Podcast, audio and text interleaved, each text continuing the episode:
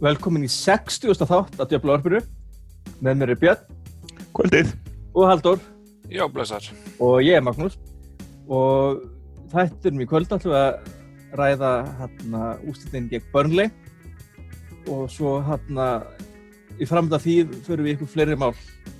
En hérna Halldór, Burnley, Sigur, loksinn.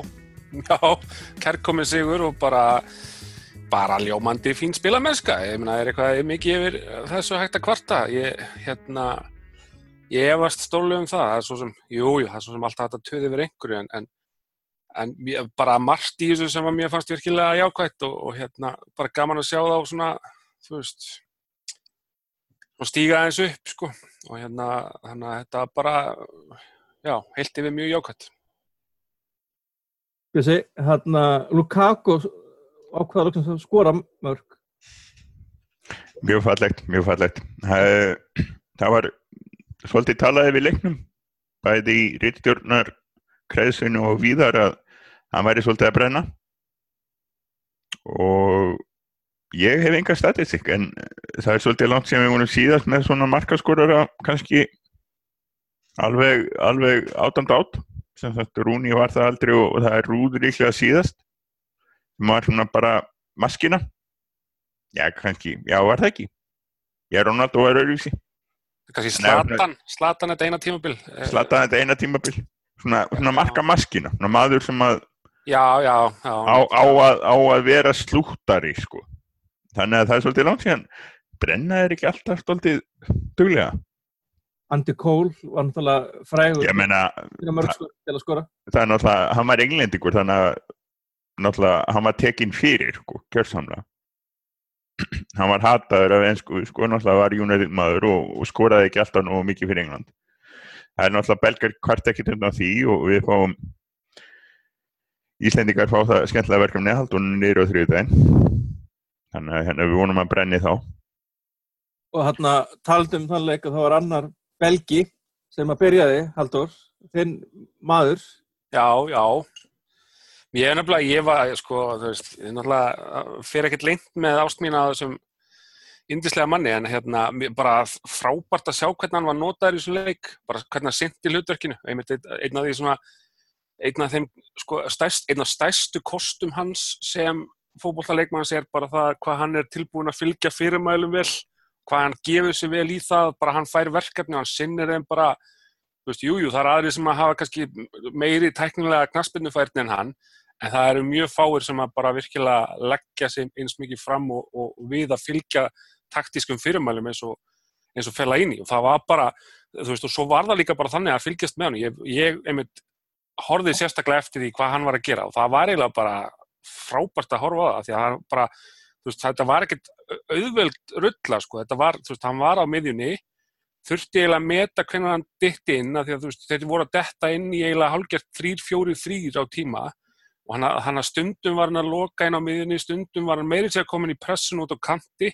og stundum droppaði hann inn á milli miðvarana til að verja þeim, verja þá frá hérna bara hálófta einvíum og gerði það bara gríðarlega vel sko. og annað í rauninni sem hann kannski eiginlega eh, fær ekki nóg mikið kredit fyrir er hvernig hann hreinsar boltan út úr teig það bara, þú veist, ef þið fylgist með þessu hann er ekkert að, sko, þú veist, sumir eru bara þú veist, það er bara kemur bolti og bara grýtaði með eitthvað sem lengst en hann var oftar en ekki bara að senda á menn hann var bara, þú veist, hann var ekkert að skalla frá bara eitthvað, hann var bara að finna menn bara út á kanti eða fram miðunni eða, veist, og, og ef eins og hann var á miðunni var að vinna bolta, þá, þú veist, hann, hann, þetta var svona sennilega eitt sá leikur, ég man ekki eftir mörgum leikjum þar sem hann hefur átt einhvern veginn betri leik hvað svona ákvarðana töku varðar, það bara var nánast valla feilspor í því hvað hann, veist, að- hvað hann gerði, hvað hann valdi að gera, það var bara virkilega frábært að sjá það. Og það bara lagði eiginlega grunninn að því að veist, það var eiginlega aldrei hætta það voru tveir sjensar sem þeir fengu þar sem þeir komu skalla, skallabólta á markið eða að marki, annar fór held ég framhjá og ekki að varði hinn eða hvort það varði báða. Og hérna og það var einmitt bæði skiptin þá að fella inn í hafði hann ekki náða að droppa því að hann var einhver staðar að pressa á einhvern leikmann framar. Þannig að þú veist, ef hann var í tegnum þá var ekkert til að hafa ágjur af það er svolítið, veist, það var bara virkilega flott sko, bara flott útfæsla og einmitt líka að hafa hann á millir að, þú veist, þegar United sótti gerða verkum að hérna, að eins og Luke Shaw og, og, og bakverðinni, þeir gáttu bomba fram á við og, og Luke Shaw náttúrulega, þú veist, tölum líklega meir um hann á eftir, en hann átti náttúrulega frábæra leik og það var mjög mik mikið þessu svona frjálsræða þakka, hann, hann vissi það alveg að hann, hann væri dekkaður, sko, hann gæti farið fram, það er svona, þú veist, þetta var, þannig að það setja hann alltaf inn, veist, á, á ákveðin hátt þá gerði það að verkum að United gæti spila betri sóknabólta og það var mjög skemmtilegt. Talandu um sóknaboltan, hérna Bjössi, hérna Alexis Sanchez spila meira svo betur heldur en hefur verið að gera framan af tímbilið. Svolítið áhugavert með þess að hann fekk yfirlega mjög góða dóma fyrir leikin. Það sem mér, mér fannst hann ennþá ekki alveg nógu góður. Þetta er líklega út af því að hann er hans í gerðn og við vissum hann enda, við sáum statistikina sko, þegar hann var kiptur þá var við að tala um það að hann, hann væri þetta aldrei gerðn að það hitt ekki á menn. En svo er, svo er önnur statistik að e, náttúrulega fjóruleiki búin eru ekkert að marka þetta ennþá en hann er með einhver flest færi sköpuð með fyrirgjöðum þannig að hérna þannig að hann er það mikið í boltanum bara að, að svo tekur maður alltaf meira eftir í þegar að þegar það sem hann er að reyna text ekki. Það er ótt þannig þegar þau ert að en, en svona alltaf áttan, áttan ekki bæði mörgin báða sendingarnar allavega. Aðra allavega fyrra. Hann átti fyrirstóðsendinguna setna var hann, hann var eitthvað stað nálagt en þá fer hann í rauninni af Ætla, hann er ekki sendinguna á, á Lukaku sem setur hans út á Jesse Lingard og Jesse Lingard og skotið sem Lukaku næri. Þannig að Sanchez var líklega að nægast að nála. Sko. Þetta var lindar meiri sko fljótandi sóknarleikur heldur en við séð í haust áður og, og mjög gaman að því sem er svolítið skrítið sko en þess að þá erum við þannig með þryggjamanna miði með tvo tiltöla hérna margnar þengjandi miðumenn náttúrulega fæla eini eins og Haldur talaðum og, og svo náttúrulega Matins þannig að hérna þannig að það var sko það er þetta þegar, þegar að losnar aðeins sko já bara þegar að fæla eini um að spila þetta rétt það sem að af því hann losar eins og segir sjó þegar maður reyna mönnum leiksins og, og losar þá um það þá þá opnar sóknarleikunni meira. Það er náttúrulega Þannig að þetta var bara fínt, fínt veganestinn í landsleikarlið og, og gott að hafa þetta upp og, og náttúrulega nöðsynlegt það hefði verið ömulega leðan að vera að tala hérna um einhver tableik og náttúrulega spurningin hefði verið svo hvort að Mourinho myndi missa vinnar hérna við töpuðum. Já, ég er alveg til í að taka allavega einn þátt af podcastinu sem við getum sloppið við þá umræðu. Já, já, við erum ekkert að fara að taka það. Þannig að þetta er fínt og, og svo er það vonandi verður vonandi landsleikja hlið gott okkur mannum og, og fáum þá heila heim. Þannig að það verður þetta flott vega næsti svo er, svo er eindar hérna. Við tölum, tölum við það í næsta vantanlega þegar þeir koma tilbaka í næsta, næsta viku þá prevjúum við hvað er að gerast á en en, en já eh, 60 eftir fjóru leiki ekki alveg jafn gott og við vildum sjá það en það er það hefur alltaf komið í september Já, einmitt, en það er bara aðeins í sambandi það því þú varst að tala um Mattis, það er bara mjög áhugavert að sjá einmitt miðju það sem það þryggja manna miðja og hann var eiginlega alltaf, eða þú veist ekki eiginlega, hann var alltaf, hann var náttúrulega átt að spila framar eldur en fella inn í, þannig að hann var eiginlega sko, oftar en ekki, hann var alveg komin nokkuð framalega með þessi ofta á, á vellinum hann var einhvern veginn, hann var svo sem ekkert eitthvað mjög ábyrjandi frekar en Pogba, Pogba svona pingaði út sendingum hægri vinstri löngum en Matic var svona þarna líka, þetta var bara svona þú veist, svolítið, áhugavert að sjá hann í svona dálítið öðru sér rullu heldur en maður er oftast síðan, en jújú, jú, hann er svo sem alltaf alltaf svolítið varnar þengjandi eiginlega saman hvað hann er á vellinu samt sko, en, en mér finnst að allan í þessu leik virka nokkuð vel sko, en í sambandi við kannski Alexis Sanchez, þá fannst mér mjög áhugavert að sjá sko með veist, mér fannst hann miklu betri í svona leik heldur en hann hefur verið bara, bara það var eitthvað yfirbræð við hann og jújú, jú, það var ímislegt sem að tókst ekki og allt það, en bara það sem ég fannst yfir heilt yfir virk, verið að virka vel hjá hann var, hann var hann var meira miðsveis, veist, hann var hann fremst og hann, manni fannst ofta eins og hann og Lukaku væru nánast tveir og Lingard einhvern veginn bara öðru hvorum megin við þá e- eða fyrir aftan eins og þurfti. Jújú, jú, hann fór alveg, Sanchez fór alveg svolítið út á kantin og var alveg meira vinstra megin. En ef þú sér til dæmis ef maður skoða sko e, hérna, heatmappi hjá honum og þá er hann langmest að vinna það sem að er sko hérna, þú veist, á milli víta, víta og markteikslínunar vinstra megin skilja, veist, og, og þarna rétt fyrir utan tegin þannig að hann er svona að vinna á því svæði þá er hann orðin meira mis, hann er ekki jafn mikið að halda breytin eins og hann hefur oft þurft að gera og, og, og þá, mér fannst hann virka miklu betur þegar hann var bara basically nær Lukaku. Og þeir þrýr Veist, þetta er eitthvað samstarf sem getur orðið bara mjög áhugavert og mjög spennandi þannig að ég vonaði að þeir nái að að virkja það bara uh, bara betur eftir því sem líður á sko, því að það er nefnilega, það er eitthvað sem geti virkað bara mjög vel sko. Þannig að, þú veist, heilt yfir var ég bara ánæðið með Alexis og með, ég var með því að mjög ánæðið með það þegar hann var hundfútlífur ég fengið þessa skiptingu sko, ég var bara, mér fannst það bara, bara flott sko, flott attitút að vil ég ekkert fara út af, vil ég bara vera áfram og skora fleiri mörg sko.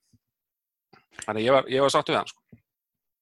Einn spurning sko, getur við séð núna var fellaginn í að spila varnar miðjuna þetta vel ég vil betur heldur Mattis hefur að gera þegar við allavega í haust.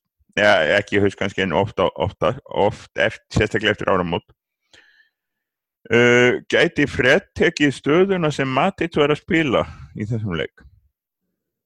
Já, það gæti hann alveg, alveg líklega gert. Það komið svolítið óvart þegar við sáum hérna ég held að við hefum ekki verið búin að deila því út en við hefum búin að deila því okkar á milli. Það var þarna tölfræða sem einhver tók saman yfir, yfir eh, flesta sendingar á stistum tíma og eða sérst mest hefn þetta var eitthvað svona sérst, cross á milli þess hversu fljótir leikminn eru að senda boltan og hversu vel hefna sendingarnir eru. Og hann kom nefnilega mjög vel út úr þeir sem kom mér eiginlega óvart því ég held að mann fannst hann vera svona kannski búin að eigi smá, smá vandræði með að aðlagast ennskaboltanum hvað það var þar þannig að veist, þetta bara geta komið í stuttaspili og snöggaspili og dreift boltanum þá, þá mögulega ætti hann að geta verið betri en Matits í einmitt, einmitt þessari röllu sko að vera í þryggjamanamiðunni þar sem að þú veist fæla eini geti þá haldið því áfram. Allavega á móti svona liðum eins og eins og börnlegi, ég er svo, svo, svo sem er ekki að fara að halda því fram að hann sé kannski besti kosturinn en þá í einhverjum stórleikjum endilega allan í þessari stöðu en, en þetta allan að virkaði þarna og, og ég, maður sér alveg fyrir sér fleiri leikið sem þetta gæti mögulega virkað og þá gæti við mitt verið spennandi að vera með sneggri leikmann en Matic og svona sneggri í, sendingunum sko. Þannig að, já. Þessi statisík kemur svolítið óvart með það að maður hefur nú heilt, maður heyrði þegar maður var að lesa sér til mann og aðeins að horfa á hann, að hann, hann var nú alveg gert á því að, að, að spila svolítið sjálfurkallin. Fred þá? Fred, eða, eða Fredj eins og hann heitir Fredj eins og hann heitir en hérna já, væri, væri svolítið sólari og ég menna að það er bara fín þannig að hérna maður einhvern veginn fann þá fekk þá tilfengjuna stundum í hinnum leikinum að það væri nú ekkit, þetta er ekkit leiðinlegt að þess að taka ríkur þannig að þetta kom mjög skemmtilega ofur þessi, þessi statisík sem að maður veit ekki alveg hvað er, hvað er nákvæm sko.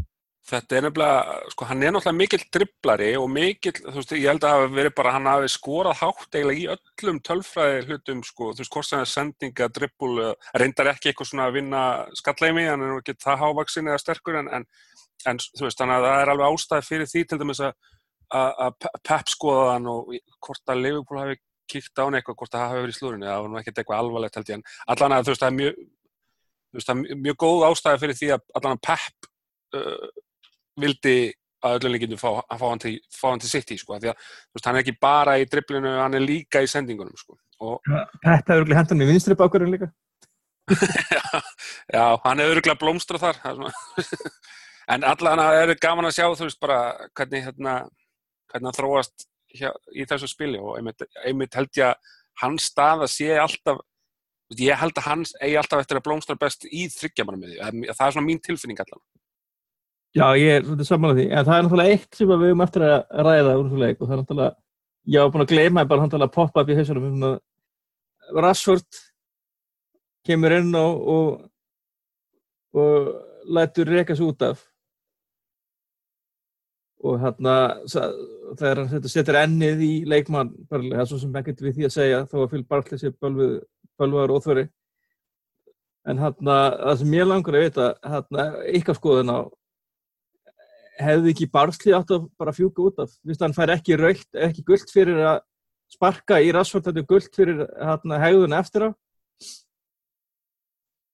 Jú, ég, meina þetta, þeir áttu báðir að fara út af þetta róskupið, þetta var bara illa dæmdilegur hjá, hjá, hjá Stjórnmós, þannig að það er ekkert að ræða þannig frekar. Að hérna e, þegar hann, hann að mý fekk ekki einu sinni, sko það var ekki einhvern veginn dæmt á hann þegar hann, þegar hann leg markmann hann fyrir utan teig, þannig að þetta var bara illa dæmt, er eða, eða, eða, eða tók hérna, Lukaku í bændaglimu hérna inn í Já, þetta var, þetta var bara eitthvað þetta leikur, it happens það, það verður fróld að sjá hvort við sjáum Moss mikið aftur en, en þetta var ekkert menna ekkert sem við þurftum að ágjöra við minna vinnu leikin og svona þetta kostaði okkur ekki stiga mark þannig að þetta kostaði okkur kannski að skora marka tölu en hann alltaf hefði getað kostað okkur stiga að Pogba klúraði víti en það gerði það ekki heldur. Já, ég er svo sem hef ekki, ég hef ekki mikla þólimæðir fyrir þessum tíminna hérna, aðhlaupum. hann, hann, hann gerir þetta alltaf Ég veit að, ég veit að sko, þetta hefur virkað hingað til, ég bara, mér finnst eitthvað við þetta, Sa, ég, það sama þegar Ronaldo var hérna alltaf að taka þetta híksitt, ég bara, þú veist, ef, ef einhverju vil sjá víti eins og, eins og mér finnst það að ég að taka víti, þá bara skoða víti, bæði víti sem Ander Herrera skora á móti AC Milan í vítakettinni í, í bandarækjanum í sumar, það voru tvö nákvæmlega, nákvæmlega eins víti, bara öru upplaup, ekkert nonsens, hvorki of langt nýja of stutt tillaup og bara bomb, boltinn bombaður inn bara, þú veist, það var óverjandi viti, þú veist, svona það, eru tveir í staðir ef þú hittir þá þá skorur nákvæmlega. það er bara nema, nema markmanni sko hafi tekið tvö skref til hlýðar áður en að eða svona þrjú, eða svona þrjú fjögur skref áfram, eins og Já, já.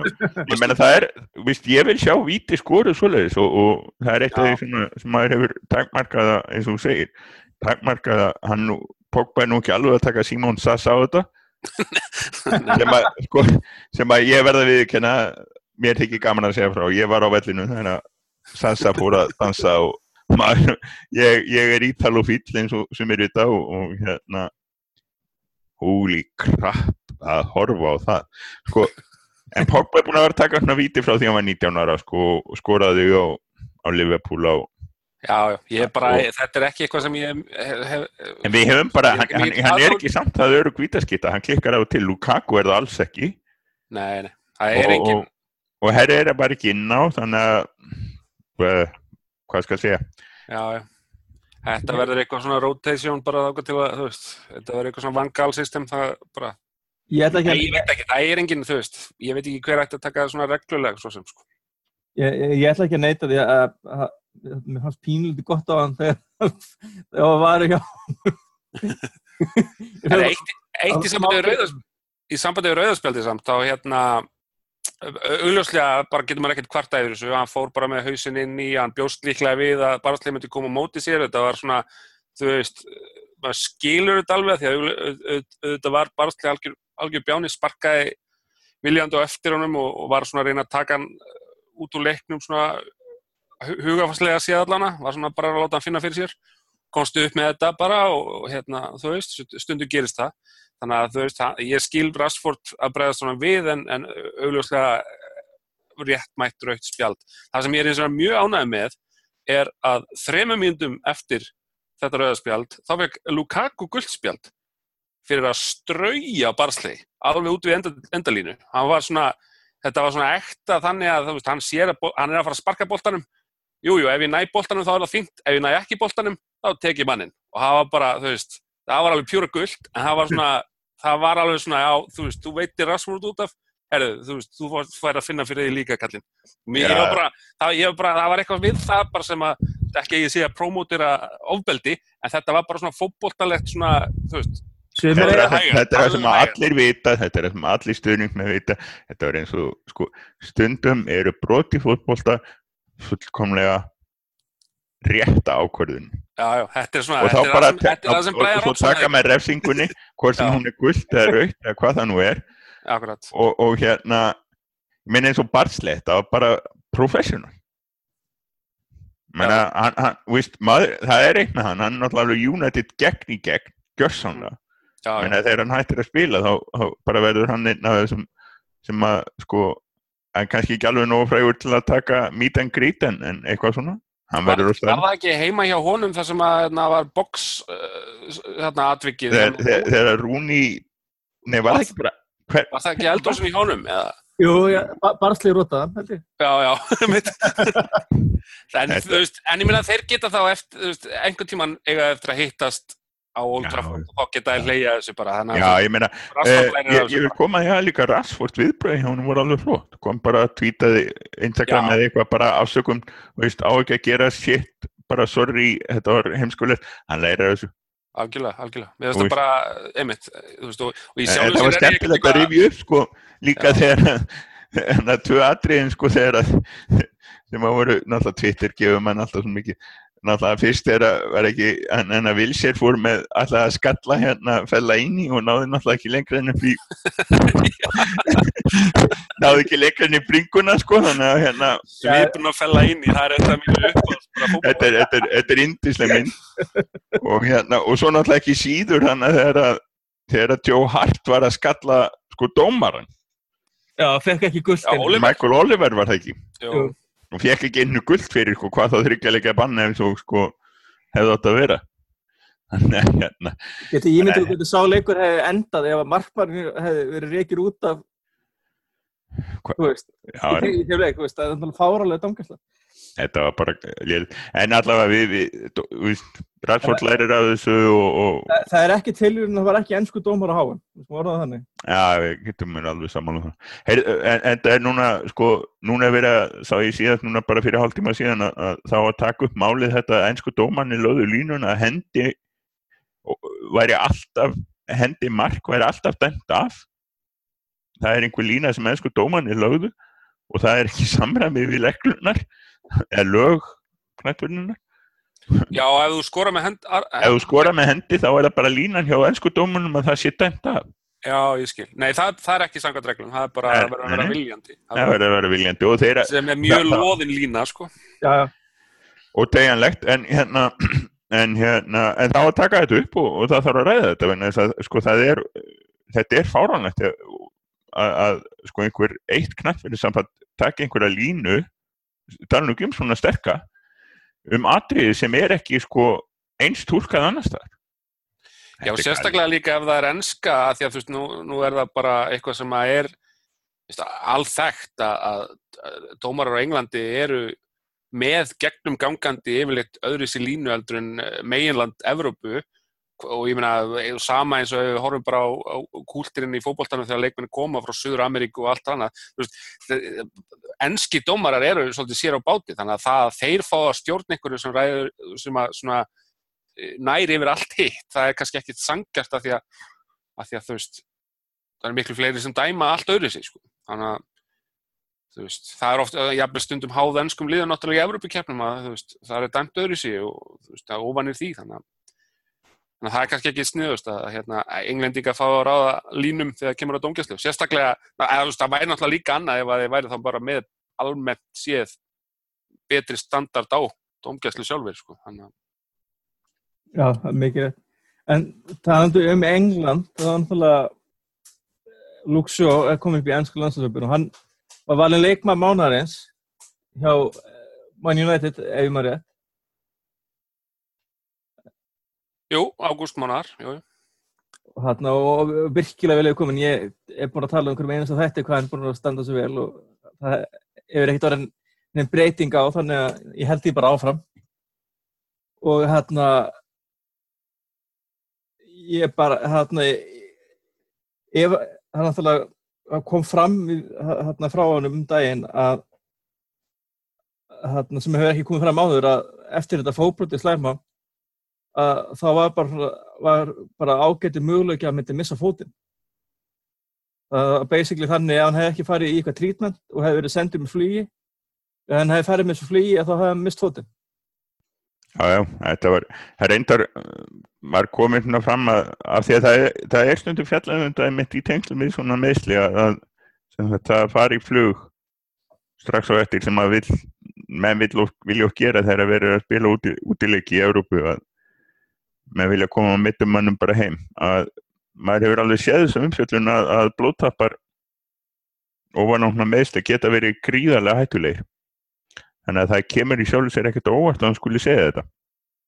En, en það sýnir bara náttúrulega að hérna, meðslum voru alveg skelvilu og skýri hversuna hefur tekið langan tíma að, að fyrir hann að ná sér að en, en, en hann náttúrulega eins og ég sé, við erum alveg saman um það að hann er klálega maður ágústmannaður hjá United og búin að vera besta maðurinn hjá okkur í, í, í þessum leikjum sem það er og Hann er bara að spila betur enn til G.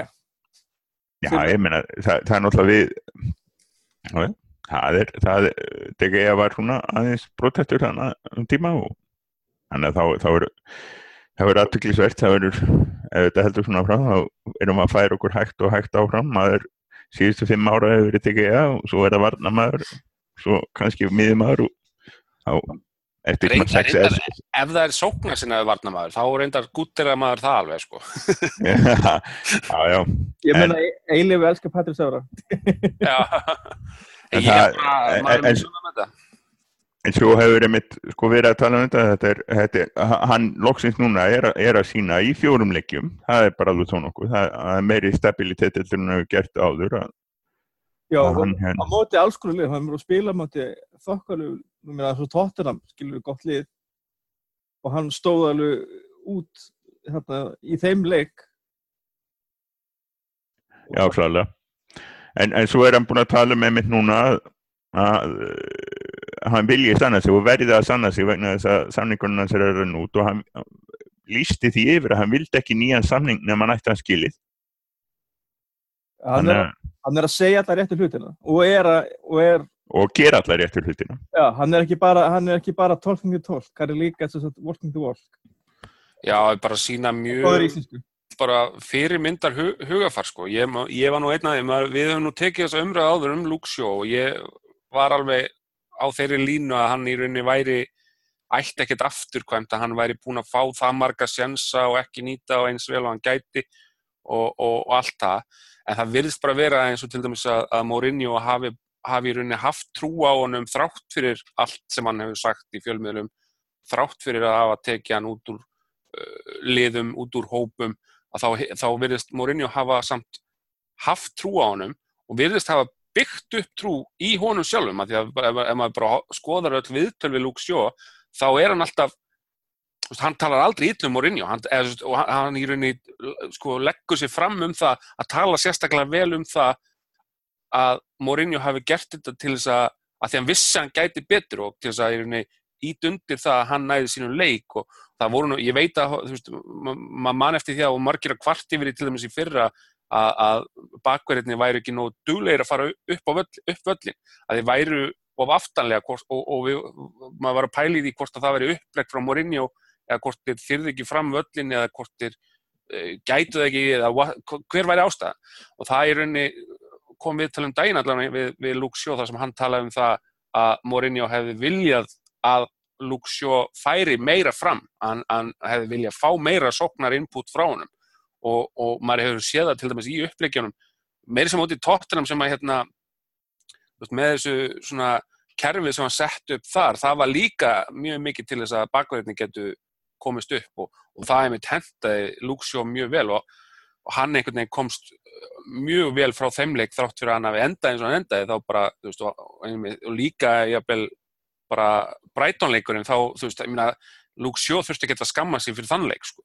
þannig að veist, gegnum gangandi hefur hann bara verið yfirleitt bara besti eða með bestu mönnum liðsins í öllum þessum leikjum sem er bara frábært að sjá og bara þessi, bæði þessi mörk komu þá veist, hann var allt í öllu í báðum þeim sóknum, setna, setna markið sem að United skora á móti Burnley sem var bara geggjuð sókn í alla staði þú veist, og hann einhvern veginn átti hlaup og hann er að hlaupa í raunni var að hlaupa til skiptis utan á eða innan á kantmannin sem var þá kannski eins og þú veist, ég held að það hafi verið Sanchez í þessu tilviki en var oft kannski Lingard eða einhver annar og þú veist, hann er bara emitt er að, veist, hann er að valda varnamönum anstæðingana veist, og það er bara frábært að sjá, þetta er bara virkilega flott hjá hann, sko. Já, talandi um hérna, eins og Shaw hérna, sem er hérna, á síðast ári á samningi, þá náttúrulega eru fleiri leikmenn sem eru á síðast ári á samnings og, og það eru ágætið snöfn þarna, það er náttúrulega Antoni Marcial og hérna Mata, Herrera Valencia Smalling, Jones, Young Darmian. En svo er talað um sko að Martial, Darmian og Young séu með hérna hérna klásúlu upp á hérna automatiska framlengingum eitt ár. Og svo eru að fara að horfa á hérna leikmenn eins og hérna David Egea Marcus Rashford, Nemanja Matic, Erik Bay og Marvin Fellaini sem að eru svona eru eiga eitt, eitt og hálft ár réttumlega eftir að samning. Og svona svona af þessum leikmenn sem er að renna út núna hvað, á, hvað myndir þið prioritesa að semja? Þið að, að Smolning og Jones fái báðið samning? Já það er sko fyrst hérna eitt og halvt ári einhverjir, það er engin leikmenn sem að renna út samningar sko um eitt tímabil. Þannig að það hljóta að vera tvö ár. Já, ég meinti rúmlega eitt og halvt Já, er ár, næsta sumar eða þannig næsta sumar sko. Já, það er pluss þrjum mannir Já, við þurfum náttúrulega að semja, við veit ekki það sem fyrst. En það er kannski annar mál en, en allir þessum sem er að renna út eru með klásulu annarkvort automatíska eða Ekki alveg allir. Er það ekki? Nei, eins og Phil Jones held ég að sé Já, við gefum hann sem búið að endur ný, nýja það um ár. Gea rennur út 2019 með þessi optionum að lengja Valencia með option að lengja Martial er með option líka, þannig að flestir jú eru með option eftir sko. Heldur við... Mata sé ekki með það. Já, ok, en uh, alltaf sko það sem segir sko optionun að lengja það verður að taka hana og semja eða taka hana og selja. Sem þetta vegna þess að annars er bara verið að tefja frjáls og sölum eitt ár sko. Já, já, já, ég saman Þannig að ég meina við gefum Smalling og Jones og Darmian og, og Young.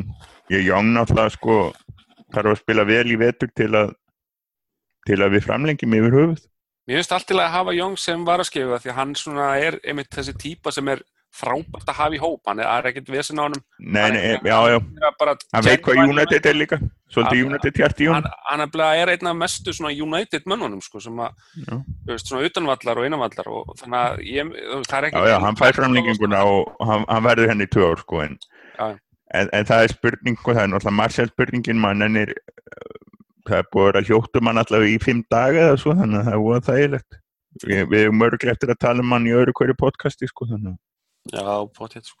Þannig að veist, það verður framlengt og hann seldur ef að ef hann skrifar ekki undir hennar nýja samning sem að Guti var að leka hann um daginn. Ég meina það var ekkit vittlust fyrir Marcel vegna þess að sko alveg bursið frá því að Joseph verður sko annarkort sko ef að Marcel skrifar undir nýja samning þá kemst hann annarkort ekki lið og gengur ítla og þá eru Jose reikin og þá eru bara að byrja upp á nýtt. Eða hann kemst ekki í lið og Jose gera á meisturum og þá er hann hvað sem er það nú eða þá bara Jose gera það á meisturum með Marcial sem einn af aðanmönnum þannig að það, það meikar alveg sens fyrir hann að skrifindi stóran feita samning Já. Þannig að ég það er aðalega þetta eins og ég segi það verður að samningarnir verða frá, við, við gerum mörgla samninga við flesta þessar leikmenn í vetur þau sem eiga að vera lengur heldur en sko, af því að er, þeir eru ekkert að fara á frjálsi sölu hvort sem er. En þegar einhverjar af þeim geta þessir sem eru ekki með klásulum að þeir geti um þessa, þessa framlengingu ekki þessa sjálfurku þeir sem eru ekki með það þeir geta fara að ræða við félög í janúar eða ekki? Jú, það hlýtur eiginlega að vera sko, ef það er ekki búið að virkja og eitthvað svo leiðis En þeir sem er sjálfvirku klásulun, sjálfvirku viðbútina, þeir, þeir mega það vantilega ekki eða Nei, nei. Nei, eða þú veist, hvort sem eiga ekki, þá, lí, þá líklega verður United búið að e virkja þessa klásulu í janúar þá. Þeir geta ekki nema félagi gefið, gefið framgengun upp á bátin. Já, já, já, já, okay. já. Félagi þarf ekki að samþykja viðræðunar í janúar fyrir leikmenn eins og þá hver var það, Anna, Mata eða þeir sem eru ekki með. Já, Jones, Smalling, Mata.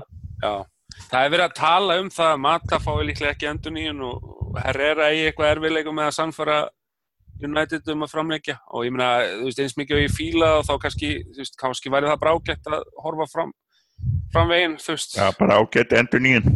mögulega, já. Ég meina, hvorur þeirra, eins og ég segi, við, við höfum verið bara ánæð, mjög ánæð með á leikmenni, en það verður alveg að segja eins og verið að þeir hafa ekkert, sko, Þeir eru ekki þeir óm, eru ekki, já, einmitt, ekki ómissandi. ég, Veist, það er hægt að finna eitthvað annað þannig sem að getur, sko, sem að mun, sem að gera samangang, eins og til dæmis Fretch.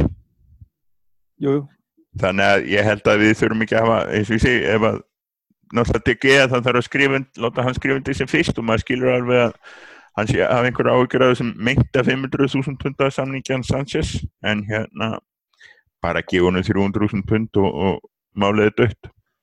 Held ég hljóta að vera er- Hann er alltaf Real Madrid, sko, hann er ekki að fara til Atletico, Real Madrid er lokað, Real Madrid kefti hvort tvo, þannig að þeir, já, þannig að þeir eru ekkert að leita að nýja markmanni strax. Nei, nei, þá er það bara PSG sem er eftir og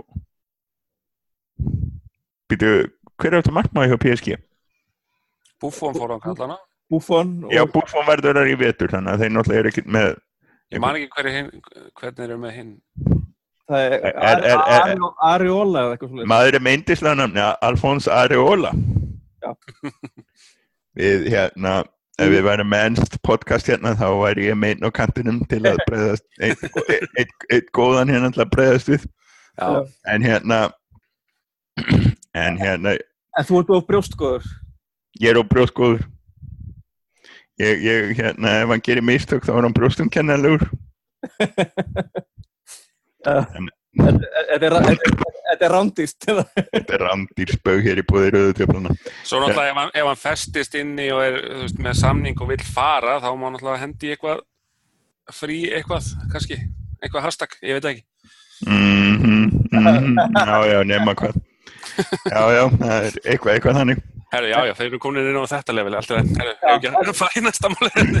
Herru, svo er að hérna, síðasta mála drafskur þessu þætti. Það er engin leikur til að hita upp fyrir hérna, þessa helgina, en oh, Paul Pogba, henn enn að ferina, Barcelona, Haldur, mjög langar að gefa þetta þig. Þú ert hérna, var fyrir mjög gott og lýsandi tvít yfir tilfinningu margra hérna, United stundismanna eftir hérna, já, ég gefi bara orðið, hvað, hvað er búið að vera að gerast?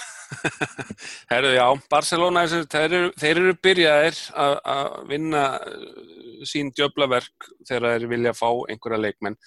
Þetta er alltaf sama sagan, þetta er bara eitthvað sem að þú veist, við öll sem að höfum eitthvað, eitthvað fylst með fótbolta í Evrópu þekkjum þessa sögu, það er bara ef að þeir vilja fá einhvern leikmann þá fer bara allt í gang, það fer bara maskinan, Barcelona maskinan í gang það sem að oftar en ekki leikmenn, núverandi leikmenn popp upp í viðtölum og þeir fara að segja miklu meira heldur en þeir þyrft að segja um einhvern. Og það er alltaf fjölmiðlar sem koma með þessar spurningar því að það er náttúrulega að, að, búið að leggja grunninn að þessum spurningum sem kom í öllum viðtölum með því að leggja út- bara hérna, setja út einhverja slúðufréttir þú veist það er unni með slúðufréttir Pogba til Barcelona Barcelona hefur áhuga á Pogba og þá geta þeir sjálfur komið já, nei, nei, við erum nú svo sem ekkert að tala um leikmenn annar að liða en hérna auðvitað hefur við áhuga á svona frábæru leikmennum og, og leikmenni kom að tala um hvað var æðislegt að spila með viðkomandi og, og, og hérna hva- hvað hann gæti unni marga titla með þeim og allt þetta fyrirverandi leikmennu jafnvel dregnir inn í þetta talandi um það hvað hvað er þið nú góð hugmynd fyrir viðkomandi leikmann að fara til Barcelona. Þetta er alveg gjörsamlega óþólandi taktík og yfirleitt virkar hún. Þú við höfum séð þetta með, þú veist, bara, ný, bara nýjasta dæmi er náttúrulega Coutinho og Suárez er mjög gott dæmi um þessa taktík líka og ég, þú veist, það var ekkert í mér sem að hlakkaði yfir uh, yfir því hvað Liverpool menn fór í gegnum þá að því ég vissi að þetta væri umuleg taktík og að United geti mjög vel lent í þessari taktík líka. Þetta virkar auðvitað ekki þannig að sérst, ég er ekki að halda þið fram þar að leiðandi að, að, að Paul Pogba sé eitthvað viljalaust verkfæri sem að laðist að ljósi eins og einhver mölfluga bara þegar Barcelona kemur kallandi. Það þarf náttúrulega að vera einhver svona undlíkandi, Barcelona þarf að geta, þeir þefa eitthvað uppi, þeir vita þeir hafa eitthvað, þeir hafa einhvern séns, þeir hafa, það er eitthvað, þannig að þeir yfirleitt fara á eitthvað það sem að, þú veist, þeir renna á, renna á líktina með það líka, sko, einhverju liti. Þannig að hérna, þetta er bara svo óþróndi, svo kemur Pogba í þessum viðtölum og kemur og segir já, ég er mjög ánægð hjá United, sama hjá hvaða stjóra er sem er eitthvað astnalegt komment en allt í lagi. Uh, legg mig alltaf fram, já á það ég legg mig alltaf fram sama hvaða stjóri er sem er mjög bjánulegt, sérstaklega þegar það eru hvað tvær viku síðan hann sagði að hann hefði ekki verið með rétt attitút í einhverju leik. Bara allt í lagi Pogba.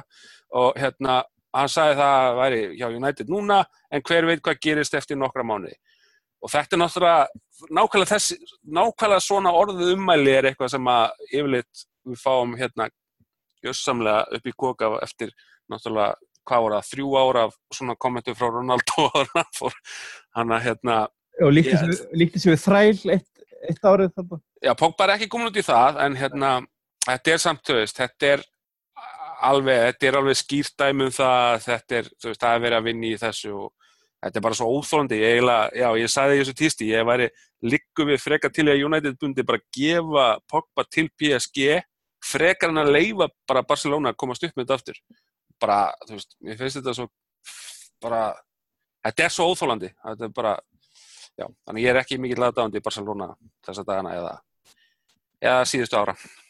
Nei, en hérna, en svo náttúrulega eitt sem maður bæta við þessa taktík náttúrulega er að eins og kemur inn hún náttúrulega virkar náttúrulega ekkert ef að leikmaðurinn hefur engan áhuga. Ef að leikmaðurinn er bara heill og trúi í þessu, því verkum sem hann er í þá hefur þetta ekkert áhrif. Nei, það er samt hægt að þú veist, það er samt hægt að hafa áhrif. Þú veist, þú getur fokkað í hausnum á mönnum sem eru kannski 50-50 eða eru kannski þú veist að megninu til til í að vera áfram hjá félaginu sem þeir eru þú veist, augljóslega er þú veist, þú ert í nútíma fókbólta er engin eins og Pól Skóls sem bara svona segir við einhvern, já, ef þú vilt að ég spili fyrir þig þá þarfst þú að kaupa Manchester United því ég er ekkert að fara neitt. Það er engin svoleiðis leikmaður núna alveg saman hvort, er, hvort það er stórstjarnar eða, eða bara einhver sem er að koma upp það er bara ekki til. Þannig að hérna þú veist þannig að hérna augljóslega er þetta líka einhver taktík sem að virkar á einmitt, þú veist leikmenn sem eru ekkert endilega 100% staði að þessi að fara að fara, ef þú skilur hvað ég meina þannig að hérna, veist, þetta hefur gríðarlega áhrif jafnveg þótt að maður getur ekki sleft Pogba sjálfum af önglinum þarna sko. Nei, og svo náttúrulega maður ekki gleyma þín hérna, áni fyrir hérna í, þá komum að spyrja Björsa einu, hérna er, er kannski bara þetta ósangjant að ætlast til þess að leikmenn hjá okkur séu bara eitthvað United for life en ekki, bara í, í nútæma knöspinu Þú ert á mjút. Pogba er búin að vera tvö ár hjá okkur og hann hefur ekki unnið neitt en þá. Já, veist, ok, hann vann Evróputittina. Það skiptir ekki máli, hann er heimsmeistari. Hann vil vinna stærstu tillina og það er bildin og það er eh, meistaritittin. Og ef hann er að horfa á það núna, hann sé ekki að fara að vinna það núna, þá er alveg skiljanlegt að það sé titlingur. Við erum ekki, sko, við erum ekki lengur United undir Sör Alex. Meina, gat, Sir Alex gæti sagt við Ronaldo verðt eitt ári viðbót þegar United var Evrópumistari. Reynum að gera þetta aftur. Tókst ekki alveg. Fór aftur í úslitt. Í töpuðum gegn Barcelona. Bara ef, ef, ef við hefum ekki lendi í sko, besta Barcelona liðið allra tíma þá erum við hefum tekið þrjá Evróputilla hann í staði fyrir einn á fjórum árum. Þannig að sko, en það er ekki tækt núna. Það er sko og þetta með að hræri mönnum þetta er svolítið magna hvað þetta er orðið public en þetta var ekkert öðruvísi. Ég meina maður lesa æfisugur strákana sem voru sko 70's og 80's minna, minna sko 60 eitthvað en samt þá en þá voru menn, hvort sem er ekkert að það hóun launum það var og erfitt að hræri mönnum en það var samt hrært í mönnum. Menn hittust og sko einsku leikmenni hittust landslið með landsliðinu. Það var bara verið að hræra alveg full sko tröstir leikmenn eh, sem að stjórinn tröstir það var bara sagt upp á því sjálf hún hefði viltu tala við hann hérna Jimmy Anfield eða hvað hann er? Spjallaði við hann, veitu hvað hann segir? Þetta var bara gert á fullu og hefur verið gert alltaf. Núna er þetta bara allt í norðið sko fréttefni dag eftir dag sem er nýtt. Og ef Hókvi spurðu svona hann menna þetta er alveg eins sko myndur þú trúa ef hann segði sko ég er ekkert að fara frá United anytime soon svo fer hann hvað var hann að segja? Ég meina, við vit, hann er með Mino Raiola sem sko umbóðsmann. Hæ? Ekki og- hann, gæti náttúrulega sleppt þessari línu það er þessi lína, hver veit hvað gerist eftir nokkra mánuði sem hann þarf ekkert að segja Nei, nei, hann, er en hann getur náttúrulega bara er náttúrulega Nei, nei, ég er alveg sammála því ég, ég, ég skal vera alveg sammála því er, en, en það við vitum það og það var frétt í mirror bara í morgun að það hefði verið eitthvað klerði er hann og Mourinho og eitthvað svona og þeir hefðu sæst á eitthvað. Og þeir hefðu sæst á þetta tímabili en svo verður bara að skoða það, menn ef við verðum Európmeistara þá fer hann ekki. Nei, þú veist, það er í sjálfu sér ekki hugmyndin um það að hann fari endilega sem er eitthvað mér finnst ömulöst í þessu, það er bara þessi, þessi taktík. Og ég er bara mjög góði punktar hjá þér og ég er alveg tek undir að mörgu leitið þráttur í randi mitt sko að, að hérna, að það er bara, bara þú veist, einmitt þetta aðferðfræðin. Já, sem að bara fer svo í töðunar mér, sko. það er meira það. Ég, en ég meina, ef að Pogba færi bara í janúar þú veist, maður myndi ekkert eitthvað grenja það, af því að hann hefur ekki verið sá leikmaður sem við vonumst eftir heilt yfir, maður, ég, hef oft staðið því að verja hann, af því að mér hefur oft fundist hann eh, ekki alveg njóta sannmæleis og ekki alveg fá kredit fyrir það sem hann er þó að gera.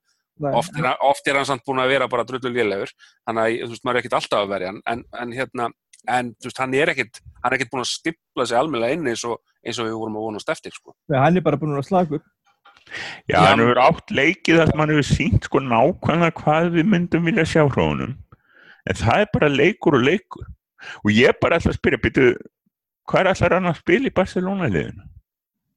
já, fyrir utan það Og veist, allar hann að, sko, Barcelona er, sko, þeir keftu úsmanni Dembele, sem var reynda mittur, og hann er ekkert að fara að spila, þeir eru að losa sig við hann, þess að hann er ekki gert neitt. Hann var bara keftur út á eitthvað eins, eins sko, tímabilsrepp, svo ætlar að koma Pogba, uh, þeir hafa kannski aðeins öflura lið sko til að byggja í kringum hann. Og öfluri leikmenn sko til að hérna til að vinna úr því sem hann gerir. En hérna ég hérna eh, ég sé ekki alveg sko hvar bara ég, hann, ekkit hann er ekki að fara að lappi það Barcelona svo er Messi sko alltaf eldast þannig að þá töfranir eru svolítið að hverfa hjá þeim. Já, en kannski sér hann bara fyrir sér að hann, þú veist, ég meina, spænski boltinn er náttúrulega svolítið öðru sig, hann kannski, þú veist, með sínar svona löngulappir getur tekið menn á, getur tekið borið boltan upp, fær meiri tíma á boltan, getur spreyjað þessum Hollywood-sendingum sínum, getur tekið fleiri skot, þú veist, það- ég meina, kannski er það bara viti í þessu frekar en að vera að standa í einhverjum ennskum bolta þess að hann fær minni tíma og meiri pressu og meiri, einhvern veginn, eh, in your face bara þú veist, þú kemst upp með miklu minna þannig að kannski er, ég meina, þú veist kannski er En- það bara það og ég, eh, getur maður, ég, veist, ég veit ekki hvort maður getur eitthvað endilega ef við fáum, hvað fáum við fyrir hann? 110 milur? Meira. Ég veit það ekki. Nei, hann náttúrulega ef að við erum að selja hann í hálfgjörni já, hva, hvað fór Couti- hvað fór Coutinho? Fór hann ekki á 130?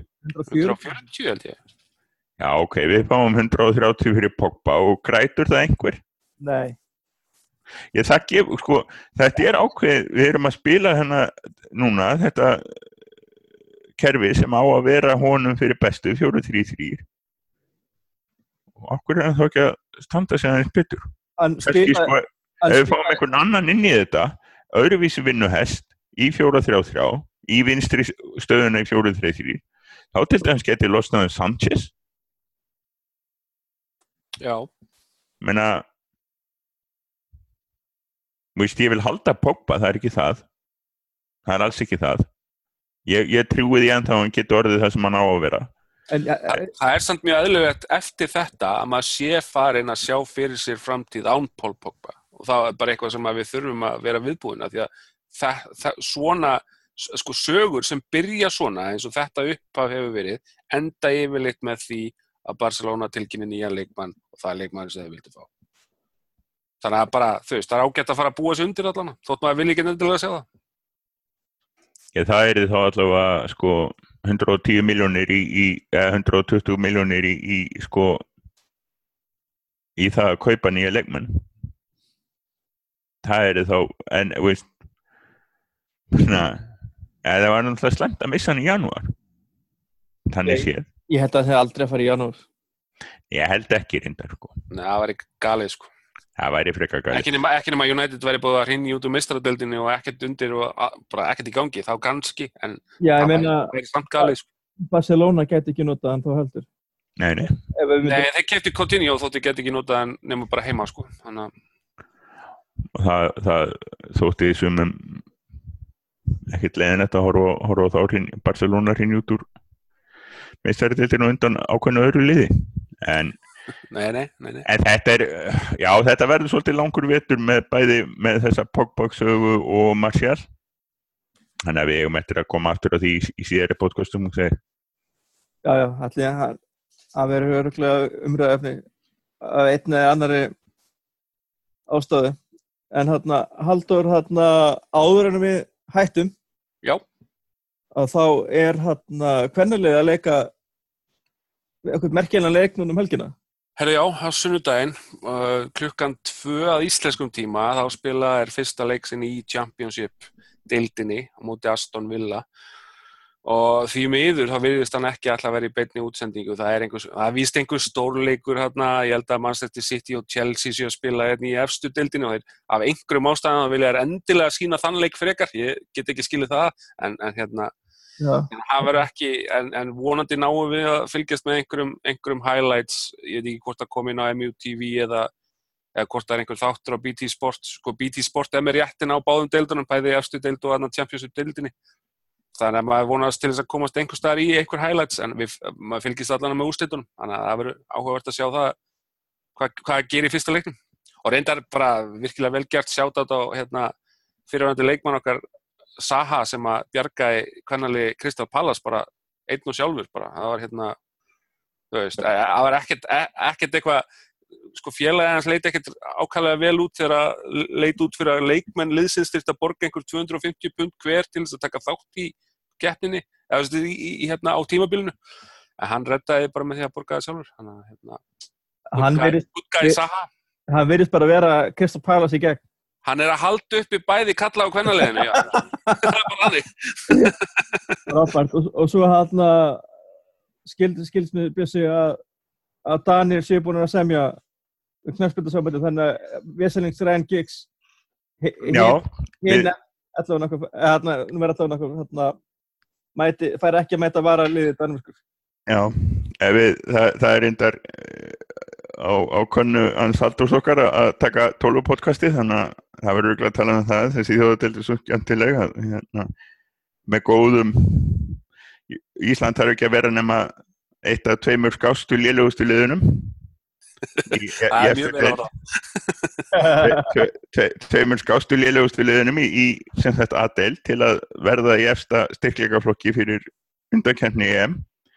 En ég er að löngu búin að leggja þau upp hvernig það verður en það, þá, það sem gerist þá er það að Króatíu verður eitt af tveimur lélugustu liðunum.